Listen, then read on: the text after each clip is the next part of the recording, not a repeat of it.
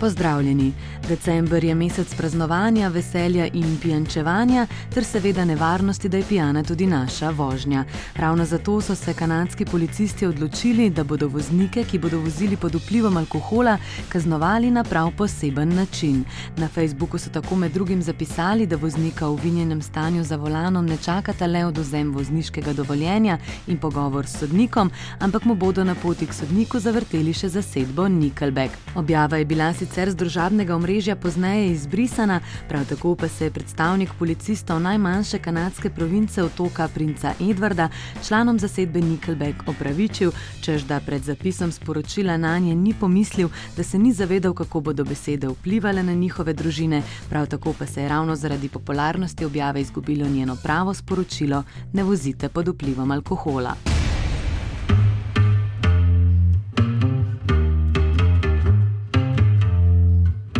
Nekaj koncertne smole so nedavno imeli člani zasedbe The Cortiners, ki so že po tretji pesmi prekinili koncert v dvorani Hipodromu v Kingstonu, saj je nekdo iz občinstva kljub predhodnim upozorilom vrgel na oder plastenko in obraz zadev frontmana skupine Liama Freja.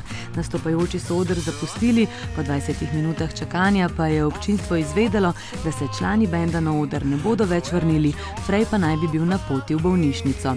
Kakorkoli, The Cortiners bodo skupaj z zasedbami Blossoms, The Charlotte Tans in Cabbage 27. maja nastopili na stadionu Old Trafford v Manchestru, obeta se velik koncert, karte zanj so že na voljo. Forget the breath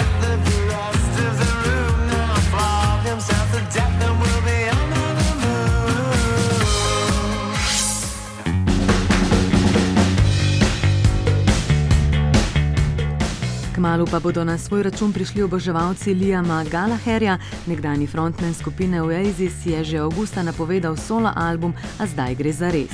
Izdala ga bo založba Chapel Music UK, njen direktor pa je dejal, da se izredno veseli, da je pevec izbral njih, saj je Gallagher eden od največjih britanskih rokovskih zvest. Čudovito je spremljati proces, kako se razvija kot pisec, nove pesmi pa ga bodo popeljale na druge ravni uspeha in prepoznavnosti. Can't keep my hands to myself. No matter how hard I'm trying to. Prejšnji teden je Instagram objavil letne številke, ki so pokazale, da ima največ sledilcev, kar 104 milijone, mlada ameriška pevka in igralka Selena Gomez.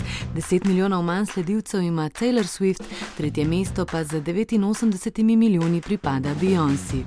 Drugačni vrstni red je na vrhu lestvice največjih zaslužkarjev v glasbeni industriji. Na prvem mestu ostaja Taylor Swift, letos je zaslužila 170 milijonov dolarjev, na drugem mestu je kljub premoru najstniška skupina One Direction. S 104 milijoni evrov, na tretjem pa britanska glasbenica Adele, za njo Madonna in Rihanna.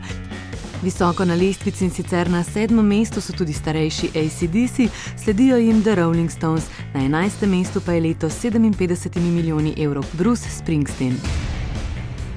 Ravno prej omenjena skupina The Rolling Stones je po več kot desetletju izdala nov album Blue and Lonesome. Na 42 minut trajajočem albumu, ki so ga Stonesi posneli le v treh dneh, najdemo 12 priredb bluzovskih ustvarjalcev.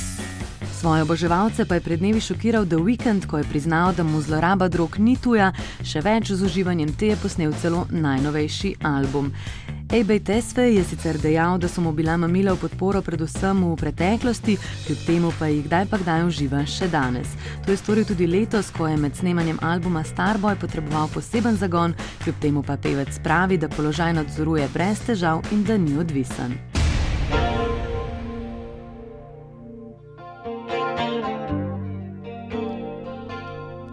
V novem letu pa lahko pričakujemo dokumentarec posvečen princu z naslovom Prince Are You Listening? Življenje in zapuščina tega glasbenika bosta prihodnje leto ovekovečena tako štiridnevnim festivalom na njegovem domovanju Paisley Park z novično izdajo plošče Purple Rain, na kateri bo poleg veliko neizdane glasbe tudi omenjeni dokumentarec. Ta bo prikazal predvsem pevčeva zgodnja leta in njegov uspon do slave skozi pripovedi bližnjih sorodnikov in prijateljev. Prav tako naj bi se v filmu pojavili Mick Jagger, Bono, Billy Idol, Leni Krevic in drugi, za režijo pa bo poskrbel Michael Kirk.